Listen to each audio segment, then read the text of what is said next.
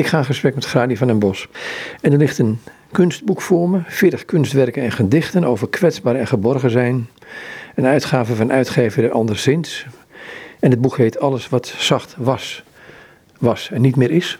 Ja, zeker uh, alles wat zacht is. Het komt uit een van de gedichten uit het boek. Hè? Mm dat alles wat zacht was, dus wat zich in zachtheid neerzet, dat gaat met ons mee. En uh, dat zorgt ervoor dat wij ons onderweg kunnen begeven in ons leven. Die titel, um, waar komt die titel oorspronkelijk vandaan? Want dit, dit, is een, dit is een weg. Je bent, wat je nu zegt, dat zeg je niet omdat je vanochtend wakker werd van hé, hey, er komt een interview aan. Ja, nee, de titel is eigenlijk, uh, ja, dat, dat komt uit een van de gedichten. En dat was een zoektocht gewoon samen met de uitgeverij. Dus het is niet speciaal een gedachte uit, uit mijn leven, uit mijn ervaringen. Van dat moet het nu per se gaan worden. Dat vat het allemaal samen. Maar het is meer een zoektocht geweest van als je nou naar het boek kijkt. En uh, uh, wat, wat moet er dan voor titel op? En we hebben een aantal titels geprobeerd. En dan zijn we de uitgever van nou, dat gaat niet werken. Of een, een, sommige suggesties van haar dacht ik. Ja, dat zegt niet genoeg over wat ik nou eigenlijk wil zeggen. En toen werd het alles wat zacht was. Dat viel voor ons allebei op zijn plek. En voor mij geeft dat zowel de, kwetsbaarheid weer van ons mensen, van de natuur, van waar we ons om kunnen begeven.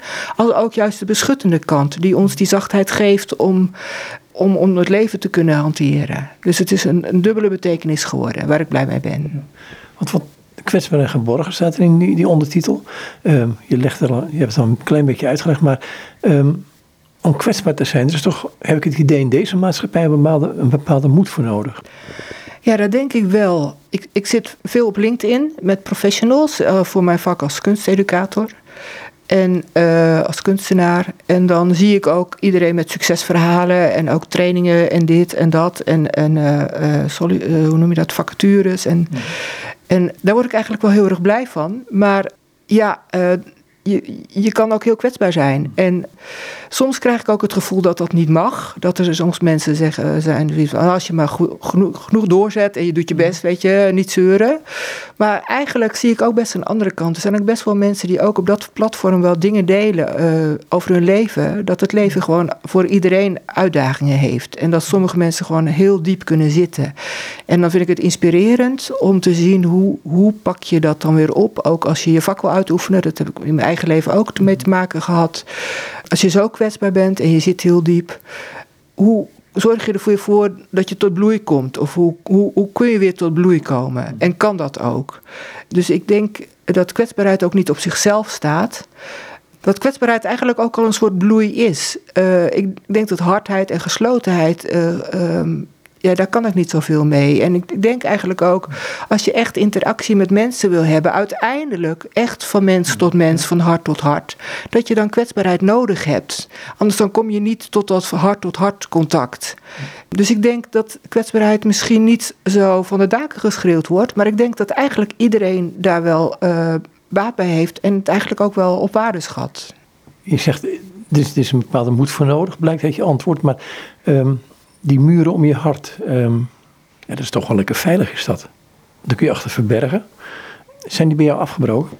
Ja, absoluut. Ja, ja die zijn wel afgebroken. Ik, ik heb van, vanuit mijn jeugd toch echt muren opgebouwd. Um, ja, ik denk dat veel mensen in, in de jeugd van alles meekrijgen in hun volwassen leven. En ik, ik heb ook dingen meegekregen. Goede dingen, maar ook hele ingewikkelde dingen waardoor het lang duurde voordat ik een eigen identiteit kon ontwikkelen. En Wat bedoel je ermee? Een, een eigen ik. Wie ben ik? Wat wil ik? Hoe voel ik? Uh, welk, wat, hoe zou ik eigenlijk willen reageren in een situatie die mij niet bevalt? In plaats van vluchten of verstijven. Weet je, de bekende vechten, vluchten of verstijven. En toen is, dat heeft later een psychiater ook tegen me gezegd, van uh, je, je identiteit is op een gegeven moment in je jeugd of je, je, je emotionele ontwikkeling tot stilstand gekomen. En dat betekent ook dat je niet groeit, innerlijk groeit. Dat je niet een, een, een eigen ik ontwikkelt. En dat, ja, dan, dan blijf je verschuilen achter wat andere mensen eigenlijk van je zouden willen. Of wat jij denkt dat andere mensen van jou willen. Of waar, waar je aan gaat voldoen. Of eh, ook een soort overleving van ja, ik moet toch, ik moet toch morgen weer opstaan. eh, nou, dan, dan doe ik maar wat ik denk dat op dit moment het beste is. Maar eigenlijk zonder echt met je hart en ziel erachter te staan. Mhm. En dat is wel veranderd door een aantal dingen, moeilijke dingen, maar ook mooie dingen. Ik heb uh, een jaar of tien geleden heb ik een hele mooie studie mogen doen, de Master Kunsteducatie. En toen kwam ik echt op mijn plek. Ik dacht van, hé, hey, dit, dit, is, uh, dit is precies wat ik nodig heb. Dit is wie ik nou ben als het gaat om, om mijn verlangen naar uh, intellectuele inhoud en kunstzinnige inhoud en, en de breedte. Want ik was docent muziek, maar ik wilde veel breder bezig zijn, want ik was ook al lang beeldend bezig. En toen kwam ik echt op mijn plek. En met, toen, dat was dan nog vrij nieuw. En helaas ben ik toen tijdens de studie ben ik ziek geworden. Mm. En uh, nou, ik kan dat gerust noemen. Er zijn meer mensen die dat overkomen. Ik heb een, uh, ik heb een psychose gekregen. Door allerlei omstandigheden. Dus heel kwetsbaar. Je uh, zekerheden gaan weg. Ook omdat andere mensen anders op je reageren. Want je doet anders. En je denkt dat je nog redelijk grip op dingen hebt. Maar je merkt aan andere mensen om je heen van hé, hey, dat, dat is dus niet zo. Uh, hoewel ook heel, heel veel dingen niet begrepen werden door andere mensen, wat ook weer onzeker maakte. En ik heb toen, uh, uh, toen kwetsbaarheid meegemaakt, maar ik heb toen ook geleerd, dat zij later een begeleidster ook, die vroeg aan mij van, heeft het ook wat opgeleverd? Mm. ik, ik ben uiteindelijk helemaal afgekeurd. Ik heb wel een eigen bedrijf. Maar ja, dat ik niet op de toppen van mijn kunnen kan presteren, dat is voor iemand die zo ambitieus is als ik echt heel vervelend. Ik heb ook echt een stukje rouw gehad en ook begeleiding erin gehad. Maar ze vroeg, heeft dat wat opgeleverd? En toen zei ik, ja zeker. Want ik ben daardoor veel meer open gaan staan voor mensen om me heen met wie ik anders niet zo gauw contact zou krijgen. Met mensen met een heel andere achtergrond, met een heel ander opleidingsniveau, met hele andere interesses. Um, ik, ik, kom veel bij het uh, christelijk inloophuis hier in de buurt. En daar komt iedereen, uh, mensen met, dus met veel kwetsbaarheid. Met, ook met veel mensen die ook een psychose hebben gehad, maar ook andere mensen, ook oudere mensen. Ja, en vroeger zou ik niet geweten hebben hoe ik met hun contact moest maken. Dus ik voelde me eigenlijk, ja, heel arrogant gezegd, er een beetje te goed voor. Ik had in mijn docententijd ging ik alleen met mensen op die gestudeerd hadden. En nu heb ik vrienden op allerlei gebied. Vrienden die. Ja, die, ik heb bijvoorbeeld mijn overburen, die, die noemen zichzelf beperkt begaafd. En uh, dat zijn, die horen bij de liefste mensen die ik ken. En ik, ik noem ze mijn vrienden. En dat is winst. Die kwetsbaarheid, die is dus wel heel ingrijpend geweest. Maar daardoor heb ik nu veel minder muren om me heen. En ben ik gewoon echt mezelf. Ik ben mezelf ik durf mezelf te zijn. Elke dag is natuurlijk best wel een uitdaging. Ik denk dat dat voor iedereen geldt. Maar ja, laten we gewoon praten. Hoe gaat het met jou? Wat houdt jou bezig? En uh, wat houdt mij bezig? En dan zullen we een kopje koffie doen. En zonder dat er iets moet. Zonder dat er een uh, zo hoort het. Of eigenlijk zou ik dit moeten. En ergens me achter verschuilen. Dat hoeft niet meer. Dus um, ja, zo. Je zegt over het succes hebben eerder in het gesprek. Uh, dat zie je dan.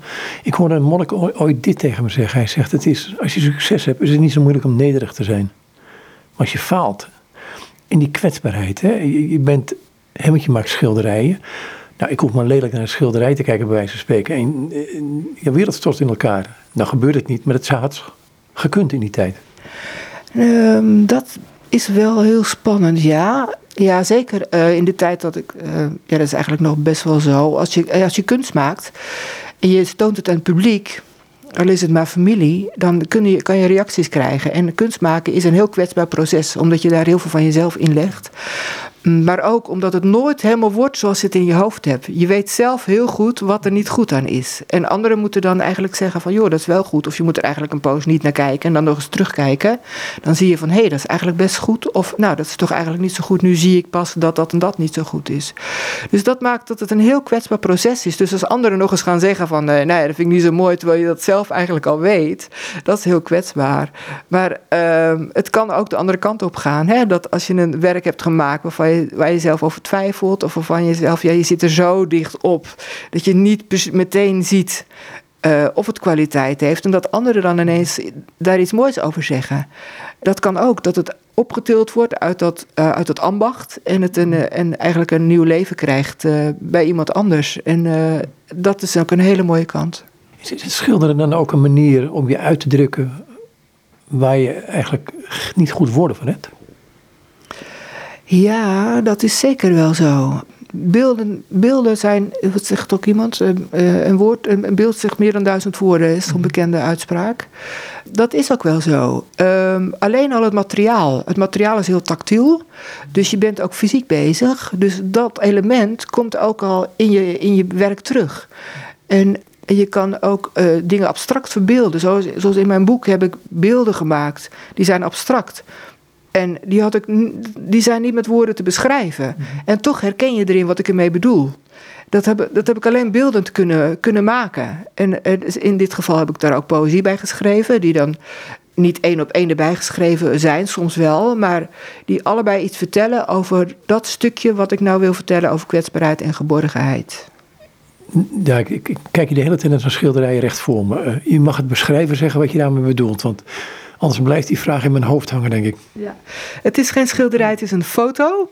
En het is een uh, onderdeel van een tweeluik. En wat je ziet is een witte lichtgevende achtergrond. Dat is een foto die heb ik gemaakt op een bouwplaats en, en in negatief gezet.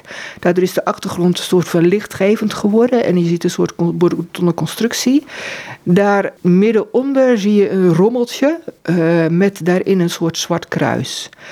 En de tegenhanger ervan heeft precies het omgekeerde. Die heeft een donkere achtergrond en die heeft ook dat rommeltje en daarin het witte kruis. En samen heet het jouw kruis, mijn kruis. En het gaat erover dat in jouw duisternis is Christus jouw licht. En, in jou, en uh, dat kan dus het kruis van Christus zijn, is jouw licht in je leven. Maar het kan ook om je heen zijn als jouw eigen kruis duister is. Dat is de betekenis van het werk.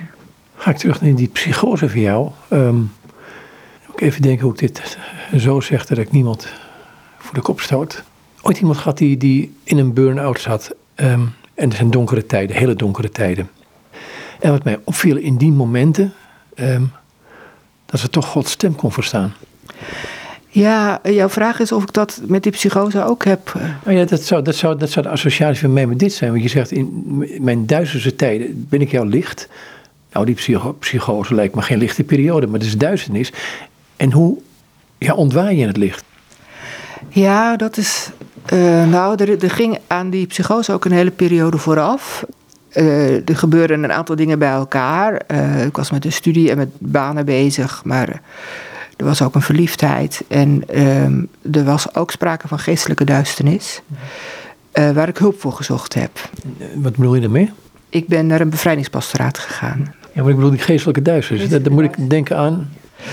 Ja, dat is moeilijk te verwoorden, uh, omdat het niet altijd begrepen wordt. Maar ja, um, demonische gebondenheid, als je dat wat zegt. Ik denk dat een aantal mensen dat wat zegt, maar ik weet ook uit ervaring dat een aantal mensen dat helemaal niet zegt. En er zelfs helemaal niks van moeten weten als je het daarover hebt.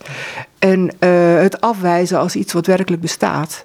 Maar uh, ik heb dat wer werkelijk ervaren. De combinatie van een heel veel dingen maakte dat ik in een vervreemding terecht kwam in mijn hoofd, die uh, leidde tot een psychose. Maar in die tijd, vlak daarvoor, dat ik ook bij bevrijdingspastoraat was, is er heel veel voor me gebeden. En daar weer voor, ik, ik, zat in, door, ik kwam in die duisternis terecht doordat ik ook met New Age dingen bezig was, met occulte dingen bezig. daarvoor heb ik, uh, ik twijfelde aan Jezus in die periode. En uiteindelijk heb ik toch voor Jezus gekozen. En toen ik bij het bevrijdingspastoraat kwam, toen zeiden ze ook we kunnen je alleen helpen als jij Jezus als je Heer en, en Verlosser erkent. Ik zeg, nou ja, dat kan ik. En, en toen heb ik dus ervaren hoe in de naam van Jezus... door de naam van Jezus alleen al te noemen... hoe er ongelooflijk veel gebeurt. Hè? Dus die naam van Jezus, die is echt zo krachtig alleen al. Tot op de dag van vandaag ervaar ik de vrede van God sterk.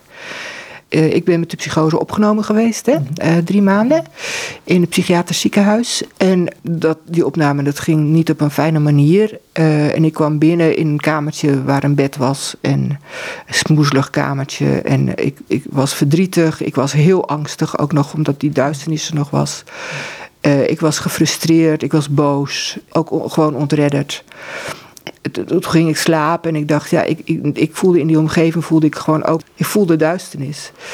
Ik denk, nou, ik had een bijbeltje, ik had een evangelisch liedbundeltje, ik had nog wat dingen, die legde ik op mijn hoofd, om, om, op mijn hoofdkussen. En daar voelde ik hoe die duisternis wijkte. En toen wilde ik gaan slapen en toen vroeg ik God of die bij me wilde zijn. En ik was nog niet uitgesproken, de gedachte was voor het woord uitgegaan. Toen voelde ik een krachtige omarming van God. Die eerste avond dat ik daar was. Een krachtige, warme, liefdevolle omarming die me helemaal omsloot. Zoals een, een dikke dekbed. Dat gevoel. Liefdevol, die ook door mijn lijf heen ging. Ik heb geslapen als een roos die eerste nacht. Dus uh, ja, in kwetsbaarheid, in de allergrootste diepte, de diepste diepte zijn zijn eeuwige armen onder je. Hè? En dat heb ik ervaren, ja. Nee, ik hoor vaak mensen dit zeggen. Hè? Je bent een soort, als je een psychisch probleem hebt, je een soort kneus. Of als je in een burn-out zit of, of, of overspannen bent. Terwijl ik denk, nee, ehm, ook daarin kan het licht schijnen, als ik jou hoor. Ja, zeker, zeker. Ja, nee, mijn ervaring is dat God overal is en dat hij jou ten diepste kent. Mhm dat hij jou beter kent dan dat, hij, dan dat je jezelf kent. Dus ook dat hij jouw behoeftes beter kent en daar aanwezig is. Dus ook de behoeftes die je niet uitspreekt. Ook als je zo diep zit, ook als je zo kwetsbaar bent. Dan is hij daar nog groter aanwezig dan jij je kan voorstellen. Dat is mijn ervaring. En dat is die geborgenheid. Zo, nou, eh, pak er eens een gedicht uit zomaar. Ja, ik heb wat opgeschreven. Um, bladzij 66, daar mag je er wat over vertellen. Als we met deze beginnen, dan gaat het over je eeuwige bestemming. Het feit dat je in de handpalm van een levende God bent gegraveerd. Als je daar alleen al een dag over nadenkt, dan, ja, wat moet je verder dan? Hè? Ja, dat, weet je, ehm, dit is nou een van, dit is een van die gedichten die ik dus wel van de daken zou willen schreeuwen, dit gegeven. Er is zoveel pijn en gebrokenheid in de wereld, zoveel duisternis en narigheid. Mensen die dit niet weten. En dit, dit is het. Dit is nou de geborgenheid waar het in het boek over gaat. En, en de beschutting van de Allerhoogste. Dat je in zijn handpalm gegrift bent, omdat hij je gewenst en bedoeld heeft zoals je bent. En daar staat ook niet voor niks boven met al je losse draadjes die voor lief worden genomen. Want uh, wij zijn in een gebroken wereld. En, uh, maar God zegt niet: Ik accepteer jou niet omdat je niet helemaal aan mijn, uh, aan, mijn beeld voldoet. Of dat je zo volmaakt bent als ik. Want we zijn niet zo volmaakt als God. Hij zegt gewoon: van, Ik hou van jou zoals je bent. Want ik heb je gemaakt zoals je bent. En ik schrijf je in mijn handpalm. Ik grif je in mijn handpalm. En voor altijd. En dat is je bestemming. Niet je duisternis, niet je depressiviteit, niet je cynisme, niet je gebrokenheid, niet je verlies, niet je rouw. Dat hoort er op een of andere manier in ons leven allemaal bij, waar ik niks van snap. Maar ik weet wel dat God erbij is en dat je bestemming uiteindelijk bij Hem is. Ja, je noemt het woord cynisme. Had je de neiging cynisch te zijn? Nee. Ik, heb, nee, ik, heb niet, ik ben niet iemand die, die cynisch is. Nee. Ook in die periode niet? Nee, nee, nee. Uh, angst overheerste. Ja, ja, ja. Nee, cynisme niet. En angst is, is vaak heel diep weggestopt ook nog een keer. Hè? Ja, nou, het was moeilijk om erover te praten, wat ik heb, wat ik heb ervaren daar. Weet je, in een psychiatrisch ziekenhuis, dan uh, kan je niet zo makkelijk hebben over geestelijke duisternis, want dan zeggen ze, ja, dat is je psychose. Dus, en dat werd door mijn omgeving ook gezegd. Maar ik wist dat het anders zat. En ik wist dat God daarmee aan de slag was, dat er met me gebeden werd. Maar het zorgde ervoor dat ik niet het achterzo mijn tong liet zien. En ik voelde me ook nog angstig. En dat, werd, dat maakte me dubbel angstig. Dat is één kant van de ervaring daar. Ik heb ook fijne ervaringen met fijne mensen gehad hoor. Ja. Dan zei je eerder in het gesprek, zeg je, ja, het ging, ik, wilde mezelf tonen. Ik wilde graag mezelf kunnen zijn. Um, maar die, die ommekeer die daar plaats heeft gevonden, um, dat Jezus hier over jouw leven werd, of hoe je het ook noemen wilt, uh, die bekering, misschien moet je het zo noemen. Um, wat gebeurde dan met het ik? Is dat, wordt het gesublimeerd of is dat um, toch net even anders? Ja, eigenlijk komt je ik, mijn ik, of je ik, komt dan pas eigenlijk echt tot leven. Omdat ik geloof ook sinds die tijd echt dat Jezus de weg, de waarheid en het leven is. Dat is ook mijn credo. En ik geloof dat Paulus ook zegt van in, in Christus uh, sterven en met Christus opgestaan. Dat zegt hij. En dat, dat gevoel, met Christus opgestaan, dat je dat je, nou, waar we het net over hadden, dat je werkelijk tot je bestemming komt. Als je ik zijnde. En ik merk ook, ik heb ook, toen ik afgekeurd werd, ik wilde, ik wilde daar niet over zeuren. Ik dacht, iedereen maakt heel veel mee. Maar het deed emotioneel heel veel met me. Ik voelde me een geknakt boompje in plaats van een bloeiende struik. En toen ben ik voor me, ben ik voor me gaan laten bidden. In twee kerken. Toen kwam toevallig zo uit. In één kerk, dat was een kerk van een vriendin. Het was de Celebration Church, heet het tegenwoordig. Mm Ging ik naar het gebedsteam en uh, ik, heb, ik legde uit uh, waar ik graag gebed voor zou willen hebben. En zij met, gingen met mij bidden en, en een van hen zei tegen mij: Ja, ik krijg een woord. En ik geloofde dat woord. En dat woord dat was verfrissing. Ik, toen dacht ik: Wauw, ik zag niet echt wat mijn toekomst zou kunnen zijn, maar God ziet wel een toekomst bij mij. En zo zijn er in die periode uh, zijn er uh, steeds allerlei zegeningen geweest. Ik heb allerlei mooie dingen mogen doen. Ik heb prachtige mensen mogen ontmoeten. Ik, heb, uh, ik, heb, ik ben met een bedrijf begonnen naast mijn uitkering. Ik ging mijn vak uitoefenen. En ik zag ja, hoe, hoe, ik, hoe ik veel meer tot mijn recht kwam. En uh, in een situatie die eigenlijk uh, verre van ideaal is. We willen nou af, afgekeurd zijn, weet je. En dan hadden we het net over van die kwetsbaarheid in die maatschappij. Speelt dat een rol? Maar ik voel me nu meer mezelf dan ooit. En als ik, dan, als ik het even niet zie zitten, of ik voel, voel toch de, wat duisternis, of ik, voel, ik over dingen, dan. Ik mag het altijd bij God leggen. En die zegt altijd: Ja, maar lieve kind, jij komt bij mij terecht. En Jezus zegt ook: uh, ik, ik, ben er voor jou. En ik had net ook, voordat, we, voordat jij kwam, dacht ik: Ik wil me ook voorbereiden, ook geestelijk voorbereiden. En toen heb ik onder andere het lied uh, In Christ Alone heb ik, gedraaid. En ja, dat is het credo, hè, in Christ alone. En daar krijg ik kippenvel van. Ja, dan voel ik ook Christus, hè. Dan voel ik van, dit is de waarheid. Jij bent mijn, in, in mij ben jij jouw echte identiteit.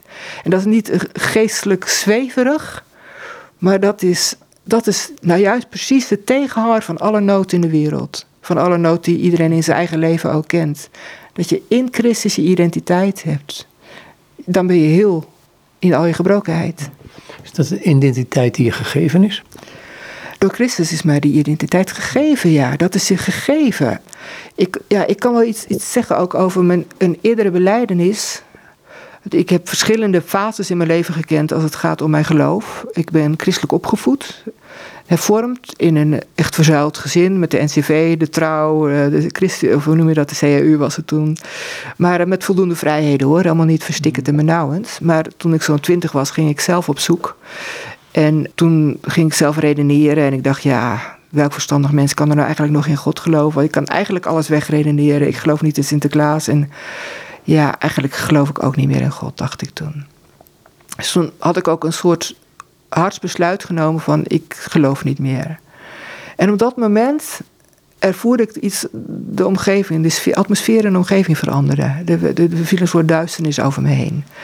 Toen dacht ik, oeh, hier moet ik niet zijn, ik moet weer terug. Ik kan het misschien nog allemaal niet geloven, maar... Uh, nou ja, en dan, schoten de dingen als van Corrie ten Boom door mijn hoofd. Boeken die ik van haar gelezen had. Van, en andere getuigenissen. Ik denk, ja, toen ben ik bij beleideniscategorisatie terechtgekomen. In de plaats waar ik toen woonde, dat was Laren. Uh, uh, met ook de mededeling aan ons als groep van...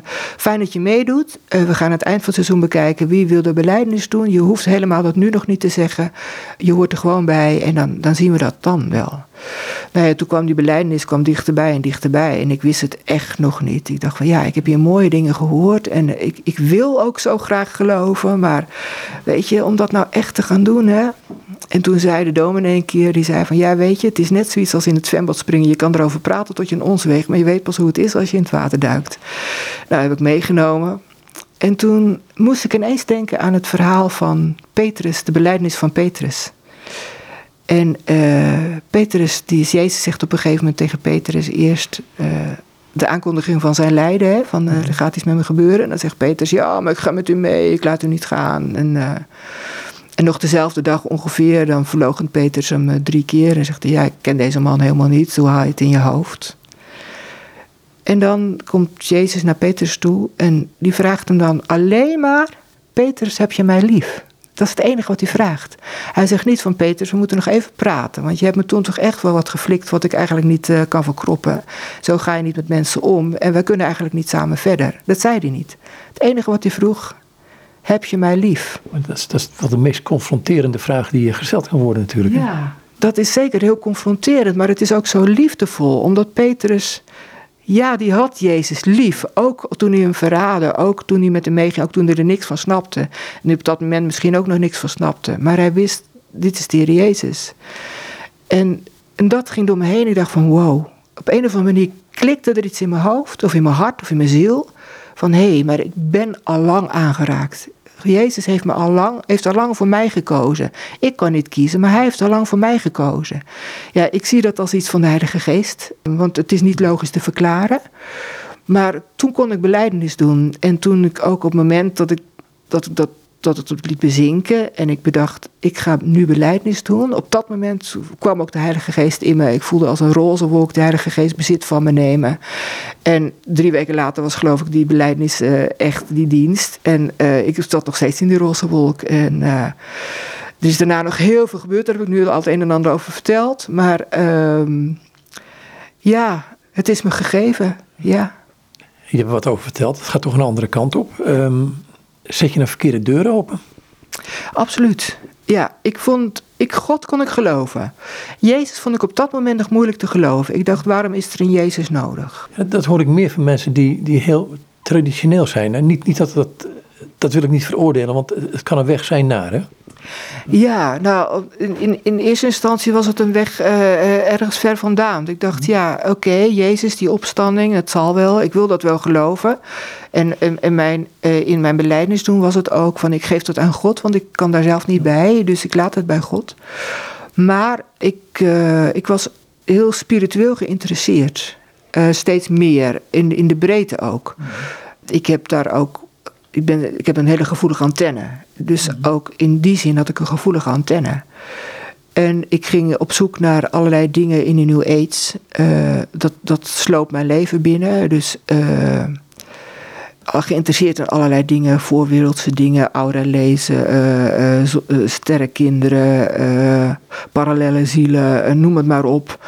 Ervaren, dat overleden mensen ervaren. En uh, nog wat dingen waar ik niet op in wil gaan, omdat er andere mensen bij betrokken zijn.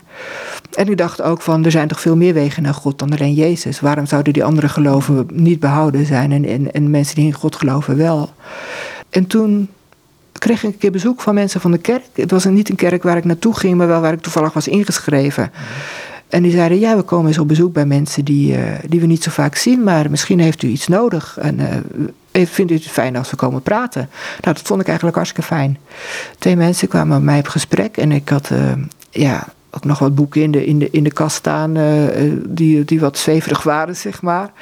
We hadden dus een gesprek over. Ik zeg, ja, volgens mij ja, is niet alleen Jezus. En toen zei dus een van die dames, die zegt van, ja, maar Jezus is de Allerhoogste. En dat was een soort baken. Ik denk, hé, hey, dat moet ik bij me houden. En toen kwam ik dus in die geestelijke duisternis terecht. En toen dacht ik, dat baken, dat is er niet voor niks. En uh, toen ben ik dus op zoek gegaan. En uiteindelijk uh, Jezus aangenomen. Schrik dat Corrie ten Boom dat ook, ook zegt. Hè? Als je met die dingen bezighoudt. kun je wel denken, ach, het is onschuldig. Maar je steekt je hoofd wel boven het schuttersputje uit. En uh, de vijand die schiet wel. Ja, je kan het vergeten niet te bedenken of de boze, die, die, die trek je erin. En dus met alles. En de boze is heel machtig en heel, uh, ja, een woord wat ik nu maar even niet moet zeggen, maar heel, hij luistert erin.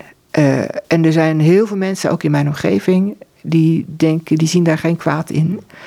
En ja, misschien is er een grijze lijn, maar sinds ik bij de bevrijdingspastoraat was en ik Jezus heb aangenomen en al die, het is er voor mij echt een duidelijke lijn, een duidelijke grens. Daar ga ik niet over, daar ga ik wel over.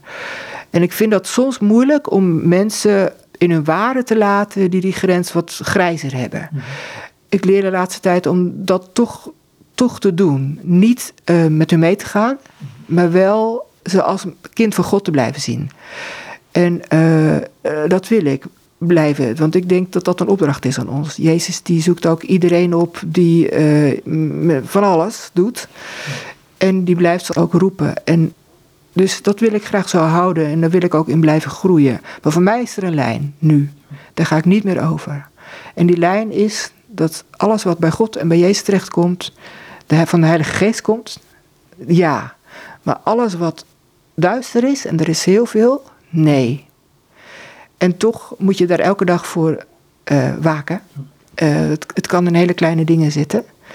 En aan de andere kant denk ik ook niet dat je, dat je daar heel diep voor door de knieën moet gaan, zeg maar. Heel diep, heel zwaarmoedig over moet denken. Het is een onderdeel van het leven. Ehm, maar als je bedenkt dat Jezus het overwonnen heeft, dan kan je altijd bij Jezus terecht. Ik denk ook niet dat het leven bedoeld is om er zwaarmoedig mee om te gaan.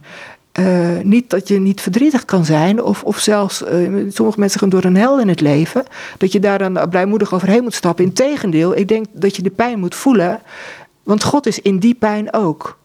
Maar ik denk dat uiteindelijk, geloof ik, dat, dat Jezus overwinnaar is. Het is een beetje zo'n algemeen opmerking, maar dat geloof ik. Maar dat is het risico dat wij lopen, dat we denken, oh, dat zijn clichés. Terwijl ik denk van nee, uw woord is een licht op mijn pad. Het is wel degelijk een licht en niet uh, het schemerduister. Absoluut. Dat is nou precies waar het om gaat. Het is niet schemerduister, het is een licht. Ik hoorde een keer iemand zeggen, ik geloof Rico Voorberg, die zei van uh, met, de, met de geboorte van Christus heeft uh, God een soort bouwlamp op ons gezet.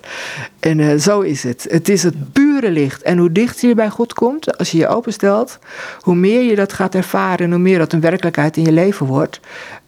zonder vaagheden.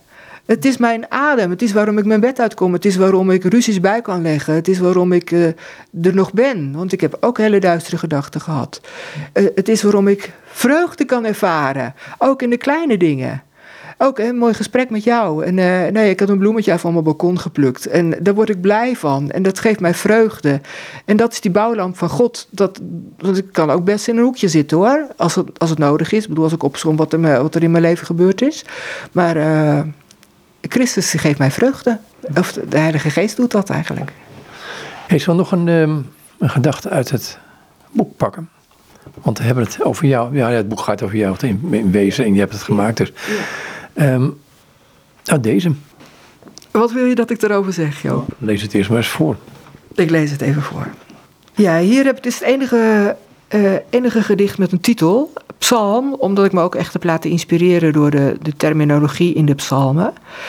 En uh, ook de thematiek die in de psalmen vaak voorkomt. En ik lees het dan even voor. Psalm. U vindt mij en beschermt mij in de schaduw van uw vleugels. U vouwt zich geruststellend om mij heen. Ik proef uw goedheid. En datgene wat je naast geschilderd hebt, want is, het is vrij abstract. Ja, dat beeld dat, dat bestond al een hele poos. Dat was ja, uit een serie uh, monoprints die ik gemaakt heb. Ik noemde de serie toen nog Fragility Shelter. Dus eigenlijk het Engels voor de kwetsbaarheid, breekbaarheid en een schouwplaats. En uh, in al mijn beelden in mijn boek, zo ook in deze, zie je een, een, een, kwetsbare binnenkant. Ik heb dat ook met dunne lijntjes aangegeven en met, met, met, met zachte kleuren. En een beschuttende buitenkant. En dit, dit binnenkant is bijna een soort nest geworden.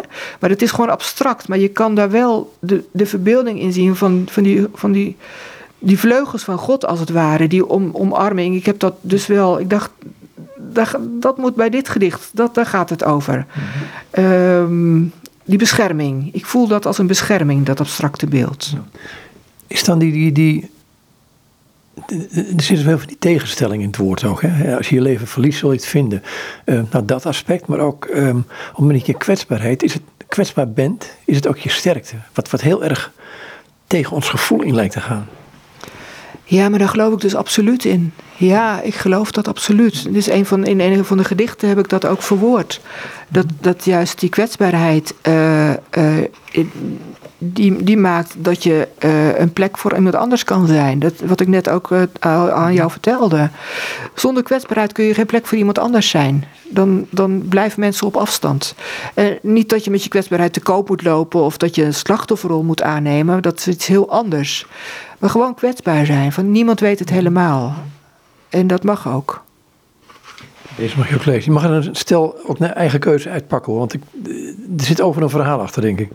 Ja. Het, het neigt allemaal naar kwetsbaarheid, als ik eerlijk moet zijn. Maar goed, dat, dat is jouw ding. Ja, mijn boek gaat ook echt over kwetsbaarheid en geborgen zijn. En uh, daar gaan alle gedichten over in minder duidelijker of, of, minder duidelijke zin. En ook alle beelden gaan erover.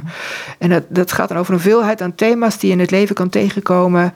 En, um, en uh, verschillende soorten uh, stijlen in taal. Hè. Soms zijn ze echt literair en bijna abstracte gedichten. En soms zijn ze heel toegankelijk of ja, zijn het in eenvoudige bewoordingen. En dit was ook zo'n gedachte die, die ook voortkwam uit de geborgenheid die ik bij God en wat ook een credo is in mijn leven. Ik zal hem even voorlezen. Hoe groot dat is, dat weet ik niet. Hoe diep dat is, dat ken ik niet. Maar wel dat u daar naast de vleugellamme vlinder bent gaan zitten. Dat is nou voor mij God. Die, die zegt, ik ben er. En dat is ook zijn naam, Yahweh, ik ben er. En dat gaat die liefde voor God is mhm. onbeschrijfelijk groot, onbevattelijk groot. Dus dat, dat vertel ik hier ook, dit, daar kan ik helemaal niet bij. Maar ik vertrouw erop. Ik vertrouw erop dat u er bent, als wij gebroken zijn. Is dat de manier waarop je de schrift ook leest, of de, de Bijbel leest? Ik lees de Bijbel met verwondering. Als ik de Bijbel lees, dan uh, ervaar ik ook vaak uh, Gods geest. Dat is dus ook voor mij voedsel. En ook, uh, ja, ik, ik vraag me ook af welke rol heeft de Bijbel in, in het, überhaupt in het kunnen geloven. Ik ben blij dat ik de Bijbel ken. Maar ik, ik stel daar ook heel veel vragen bij. Dus ik, ik lees daar absoluut dingen in waarvan ik denk: wauw, dit, dit is zoals hè, Jezus, de weg, de waarheid en het leven. En prachtige dingen. Maar er zijn ook dingen waarvan ik denk van ja, dingen die volgens mij uh, meer cultuurgebonden zijn, die echt bij de tijd horen waarin de Bijbel is geschreven. Dat is mijn eigen visie en ook de manier waarop ik in het geloof sta. Ik denk dat je goed moet kijken wat is de toon van de Bijbel, van een tekst. En als ik het niet meer weet, dan, dan probeer ik te kijken door de ogen van Jezus. En de ogen van Jezus, die zijn uh, in mijn beleving altijd barmhartig. Ja, dat, snap ik. ik. ik. heb zelf de neiging dingen gewoon te parkeren. Ik niet begrijp hoor. Je kunt niet alles begrijpen, dat is het hele punt. Uh, maar wat je zegt, die barmhartigheid, die komt wel door. En als ik naar het gedichtje doorga, van als je niet weet hoe groot en hoe diep het is, um, er schiet bij mij een gedachte op die ik laatst van een monnik kreeg. Of tenminste, uh, die zei van, um, die had een spinnenweb geschilderd met daarin een kruispin. En verderop zat een vlieg in een kokon gewikkeld. Hij zegt, dat ben ik, niet kokon. Dus ik ben een prooi van Gods liefde. Ik vond het een heel aparte manier van benaderen. Maar ik proef die pijloosheid ook een beetje in dit gedicht wat je net zei. Dus je gaat nu naar die pijloosheid zie je ook als je met andere christenen in contact komt. Mensen vanuit allerlei denominaties, weet ik wat. We zijn geroepen tot die gemeenschap met Christus. En dat kun je op die manier wel vinden, denk ik ik zie als opdracht de gemeenschap van Christus. Ik zie de opdracht eh, van Jezus. Hè, heb je naast lief als jezelf. God lief boven alles. omdat je dan hè, dat, dat, kanaal binnenkrijgt. En heb je naast lief als jezelf. En dan, maar dat is elke dag een opdracht. En elke dag is het ook weer een uitdaging. Want uh, we zijn allemaal hele verschillende mensen. Met allemaal hele verschillende karakters. En ook van die hele vervelende lui. Die, uh, ja, noem maar op. je komt ze, allemaal, je komt ze overal tegen. Maar je komt jezelf ook tegen. ja, je komt jezelf ook tegen. Nou, precies. Ja, nou ja, als ik soms moeite heb met mensen, ehm, dan, dan vraag ik God of hij mij uh, deze persoon door de ogen van Jezus wil laten zien. En dat doet hij altijd. En dan zegt Jezus altijd: Kijk, ik hou ook heel veel van deze persoon. ik van: Oh ja, ja, zo kan het ook. Ja. Je kunt ook denken: hé, hey, hij houdt van mij.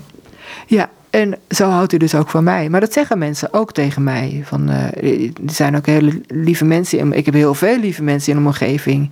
Die misschien ook wel op mijn pad gebracht zijn. Ja. Je had het eerder over eh, die, die moeilijke periode in, in, in die psychose, ga ik even weer terug. Ehm, en even niet, niet alles wat eraan gebeurt, er omheen gebeurt, maar wel de reactie van mensen. Je zei van ja, mensen begrepen niet meer, ik was verwarrend. Is het, zo'n, is het ook zo'n periode dat je graag mensen op bezoek wil hebben en ze tegelijkertijd wegduwt? Dat lag er een beetje aan. Ik vond het wel heel fijn om bezoeken te krijgen. Mhm. Want ja, je, je blijft gewoon, minstens in mijn geval, je, uh, ja, je, je, blijft gewoon mens. Dus je hebt behoefte aan gesprek en contact. Mhm. En het lag er wel aan wie. Als ik bij mensen duisternis ervoer, dan dacht ik van, oh, dat vind ik heel eng. Maar uh, dat was ook wel een deel van mijn ziekte, maar ook een deel van die gebondenheid. Maar ik vond het wel heel fijn om contact te hebben. En uh, ik kon er ook mijn verhaal doen. Gewoon, wat heb ik vandaag meegemaakt? Zo simpel soms. Ja. ja. Maar, maar Ben je daardoor ook vrienden kwijtgeraakt, die periode? Nee, nee. Ik ben uh, geen vrienden kwijtgeraakt. Nee, er zijn, uh, mensen, er zijn zelf, de vriendschappen die ik had zijn eigenlijk wel sterker geworden. Mm -hmm. Ik heb toen ook uh, een goede vriendin gevraagd van... joh, ik, ik zit nu echt in nood. Wil jij mensen gaan vragen of ze voor mij gaan bidden? En, en vele jaren later, nog niet zo lang geleden... zei iemand tegen me van wie ik dat niet wist... van ja, toen heeft zij gevraagd of we voor je wilden bidden. En dat hebben we toen gedaan, ja. Dat het belang ook niet van een christengemeenschap waar je toe behoort, een kerk... Ja, ja, zeker. Ja, ik kreeg ook een kaart van mijn uh, toenmalige dominee. En uh, net zoals met de andere kaarten die ik kreeg, waar ik heel verrast over was dat ik kaarten kreeg. En die heb ik zorgvuldig bewaard toen en opgehangen. En als ik dan ja, weer die angst voelde, dan keek ik naar zo'n kaart. En dan, ja, dan dacht ik, oh ja, ja, er is een andere wereld buiten de angst. En, en dat sterkte mij. Ja. Deze mag je lezen, want ik denk dat dit wel een beetje de portée van dit gesprek is. Ja, inderdaad. Ja, ik, ik zal het eerst lezen en dan gaan we praten. Ja. Voor het geval ik toch doorhoud zou blijken te zijn, is het wel geruststellend dat u mij een parel noemt. En nog wel in uw hand. Ja, um, ben ik goed genoeg? Die vraag, hè? Mm -hmm zijn wij goed genoeg? Uh, het, is een vraag die, die, die veel mensen stellen. Hoe, hoe, hoe word ik zo dat ik gelukkig word? Hoe word ik zo dat ik erkend word? Hoe word ik zo dat ik mezelf accepteer? Hoe word ik zo dat ik geaccepteerd word door anderen? Het is zo'n menselijke vraag. Ik zie het zoveel om me heen. En die vraag heb ik natuurlijk zelf ook. En, uh, naarmate uh, mijn relatie met God sterker is geworden, is, is die vraag wel gestild. Maar stel toch dat je nergens aan voldoet. Want in, in wezen, bedoel, als, als ik alles op een rijtje zet wat ik elke dag verkeerd doe. Uh, ja, ik, ik ben, niet, ik heb niet, niet, ben, ik ben niet, niet, niet zo zwaarmoedig in de schuldbesef uh, hoor. Maar uh, ja, wat stel ik dan uiteindelijk nog voor? Uh, ben ik dan nog wel zoals God mij gewenst heeft? En zoals mensen mij willen hebben? Ik bedoel, nou, ja, ik ben bepaald niet volmaakt. Stel dat je dan afgeschreven zou zijn. En daar geloof ik dus niet meer in. Of niet in. Wij zijn niet afgeschreven. Er staat in de, in de Bijbel: je bent een parel in Gods hand. En we zijn geen doorhoud. Niemand is doorhoud. Ook als jij 30 jaar drugsverslaafd bent, dan ben je geen doorhoud. Dan ben je een geliefd kind van God. En, uh, en hij wil dat je thuis komt. En hij houdt van je. Dat. Zijn je schilderijen nou veranderd na die tijd? Um, ik ben. Um, ik heb een hele serie crucifixen geschilderd. Ook, ja, dat kwam eigenlijk voort ook uit dat ik zocht naar iets om te schilderen. En dat begon met kruisvormen. Ik denk, ja, ik wil. Ik, schilder toch wel vanuit mijn geloof veel, niet alles. En toen ben ik een serie crucifixen gaan, uh, gaan doen. Ook een, soort een ontmoeting met Jezus. En uh, later zijn het Pieta's geworden. Dat is een katholiek beeld. Mm. Uh, en Pieta is uh, uh, de moeder Maria met de dode Jezus in haar armen. Um, ook een universeel beeld. Nog bij Van Gogh gaan kijken bij de schilderij in het Van Gogh Museum. Ja, ja, ja. ja. En toen dacht ik, ja, maar nu wordt het toch tijd om met de opstanding aan de slag te gaan. Dus toen ben ik schilderijen over de opstanding gaan maken. Maar ik maak niet alleen schilderijen, ik maak ook andere dingen, ook conceptuele dingen, ook uh, uh, foto's, uh, video's en installaties en zo. En ik weet nog, dat gaat dan niet over mijn geloof, maar over mijn, mijn, uh, mijn kwetsbaarheid. Um, dat, toen ik begeleiding kreeg na, na, nadat ik ontslagen was uit het uh, psychiatrisch ziekenhuis. Toen zei mijn begeleider toen van, joh, uh, wil je niet over gaan schilderen? Wat je nu hebt meegemaakt, doet met je gaat en zo. Toen dacht ik, nou nee, echt niet. Ik wilde gewoon normaal zijn. En ik denk, ja, hoe moet ik nou gaan schilderen? Ik, wil, ik wilde er niet in gaan zitten wentelen in, in, in dat. Ik wilde gewoon normaal zijn en daar weer uitkomen. Maar toen uh, later, nu nog niet zo heel lang geleden, toen uh, ik, ik deed weer een cursus, een, een, een cursus artistiek onderzoek doen. Bij Storing AUB, een hele, hele mooie cursus. En toen heb ik het onderwerp bij de hand genomen. Toen ben ik werk gaan maken met als onderwerp mijn medicijndoosjes. met medicijnstrips. En ook met de vraag van, als jij psychiatrische medicijnen gebruikt, zien mensen dan jouw identiteit anders? En zie jij je eigen identiteit dan anders? Dat heb ik als onderzoeksvraag en ook als beeldende vraag neergelegd. En daar ben ik uh, werk bij gaan maken, ja. Nou ben ik nieuwsgierig. Mag je verder over vertellen? Want, want, je raakt hier ook een van, van de kern hoe mensen naar elkaar kijken. Van, uh, wat ik al eerder in het gesprek zei, oh, zij heeft in een burn-out gezeten. Of oh, zij is uh, depressief geweest. Dus ze wordt al met een zeker van. Terwijl ik denk, hou even. Um, voor God kan het wel eens net iets anders zijn. Ja, ja, ja. ja. Ik, ik, ik ga in ieder geval niet op de stoel van God zitten hoe hij naar mij kijkt. Of wat hij uh, in mijn leven gebruikt. Maar er, staat geloof ik wel van... Uh, God kan alles gebruiken en het te goede keren. Ja, dat geloof ik zeker wel. Nee, wat ik ook zei, dat, dat ik nu veel ruimhartiger ben naar allerlei mensen toe. En dus daarin ben ik wel gegroeid. En in die zin kan God mij ook gebruiken ik heb in mijn omgeving heb ik ook gemerkt, als je normaal praat over wat je hebt meegemaakt, dat mensen in Nederland in ieder geval daar over het algemeen niet moeilijk over doen. Um, ik heb ook met internationale christenen te maken gehad. En uh, uh, ik, ik, sprak met een Australische vrouw. Ze zegt, nou, bij ons kan je dat echt niet doen. Dan word je echt niet geaccepteerd. Dan val je er buiten. En uh, dat vond ik best wel heel hard om te horen. Ik denk, wow, ik heb hier ervaren dat het eigenlijk. Nou ja, het ligt eraan hoe je ermee omgaat natuurlijk. Maar ik voel me geaccepteerd. Maar dat het nog best wel echt een heel groot issue kan zijn. Ja, daar ben ik wel van geschrokken. Ja, ik, ik begrijp wel wat zij bedoelt. Want wat ik, wat ik al eerder in het interview zei van... Je hebt de neiging, iemand die een depressiviteit... Eh, of een depressief is, een medicijnen voor krijgt... toch een beetje een kneus. Een beetje, beetje die, die gedachte. Terwijl ik denk van, ho even, pas op. Want, want ook in die duisternis kan het licht schijnen natuurlijk. Um, en wie zijn wij om dat licht tegen te houden? Ja, inderdaad. In die duisternis, nou dat heb ik ook verteld van die omarmingen. Mm -hmm. En zo zijn er nog meer ervaringen. Dus um, ja, nee, ik, ik, ik zie mezelf niet als een kneus. Maar ik heb tot natuurlijk wel een periode gehad. Wat ik zei, dat ik me een poosje een geknakt boompje voelde in plaats van een bloeiende struik. Want je bent afgekeurd. En je hebt die, uh, verleden, dat verleden gehad. Maar um, ja, ik, ik heb ook de, de zegen gekregen dat ik toch met mijn vak bezig kan zijn. En uh, als kunsteducator, ik heb die master gedaan, dat was niet voor niks. Ik, ik zei al, ik ben ambitieus. Ik had, ik had graag, ik heb een, aantal, een poosje op het conservatorium les gegeven. Ik had graag weer op hogescholen les gegeven. Of in de cultuureducatie als cultuurmakelaar of schoolbegeleider of dat soort dingen bezig gegaan. Nou, dat, dat kan dus niet. En een aantal dingen kunnen wel. En ik ben gewoon, of gewoon, ik ben gaan kijken, wat kan er dan wel? Die verfrissing van de geest, die God me meegaf, van er is er nog heel veel mogelijk. En uh, mensen reageren dan ook daarop uh, van, hé, hey, uh, zo kan het dus ook. En uh, eigenlijk krijg ik bijna alleen maar positieve reacties. En eh, ik, ik, voel me niet als dat mensen mij als een kneus zien. Tenzij mensen heel kort door de bocht zijn en, en snel van oordeel zijn. Maar... Het, is, het gaat me niet om het oordeel. Het, het, het is vaak de, de, de Soms heb ik het vermoeden een onbewuste gedachte. Het is een beetje.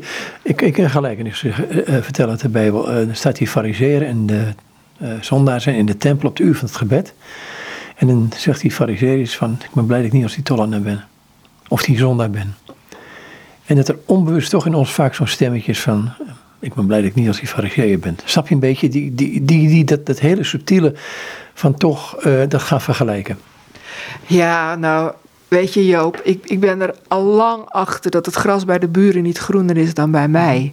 En als jij echt met iemand om tafel gaat zitten, nou dat, van je vak doe je dat, dan weet je dat. Dan ga je de echte verhalen horen en dan leer je de gebrokenheid van ieder mens kennen. Weet je, de directeur thuis heeft misschien wel helemaal geen goed huwelijk. Of, uh, uh, nou ja, ik noem maar iets. En uh, zo heeft iedereen zijn verhaal. En als je echt, echt met elkaar in gesprek gaat, dan valt dat helemaal weg in die zin van, van, van dat je niet voldoet. Want bij jou is er ook wat aan de hand. En net zoals bij mij, dat mag iedereen zien. Of iedereen zien, nou ja, dat is een beetje overdreven. Maar um, ik hoef me er niet voor te schamen. Niet meer. Ik heb dat wel gehad, maar dat, daar ben ik wel overheen gegroeid, ja. Ten slotte over vragen die schaamte. Is dat een, een issue geweest in de zin van want schaamte kan je natuurlijk, uh, schaamte kan het bijna onmogelijk maken om te geloven. Nee, dat integendeel. Schaamte kan ook maken dat je je geloof uh, als enige uitkomst ziet.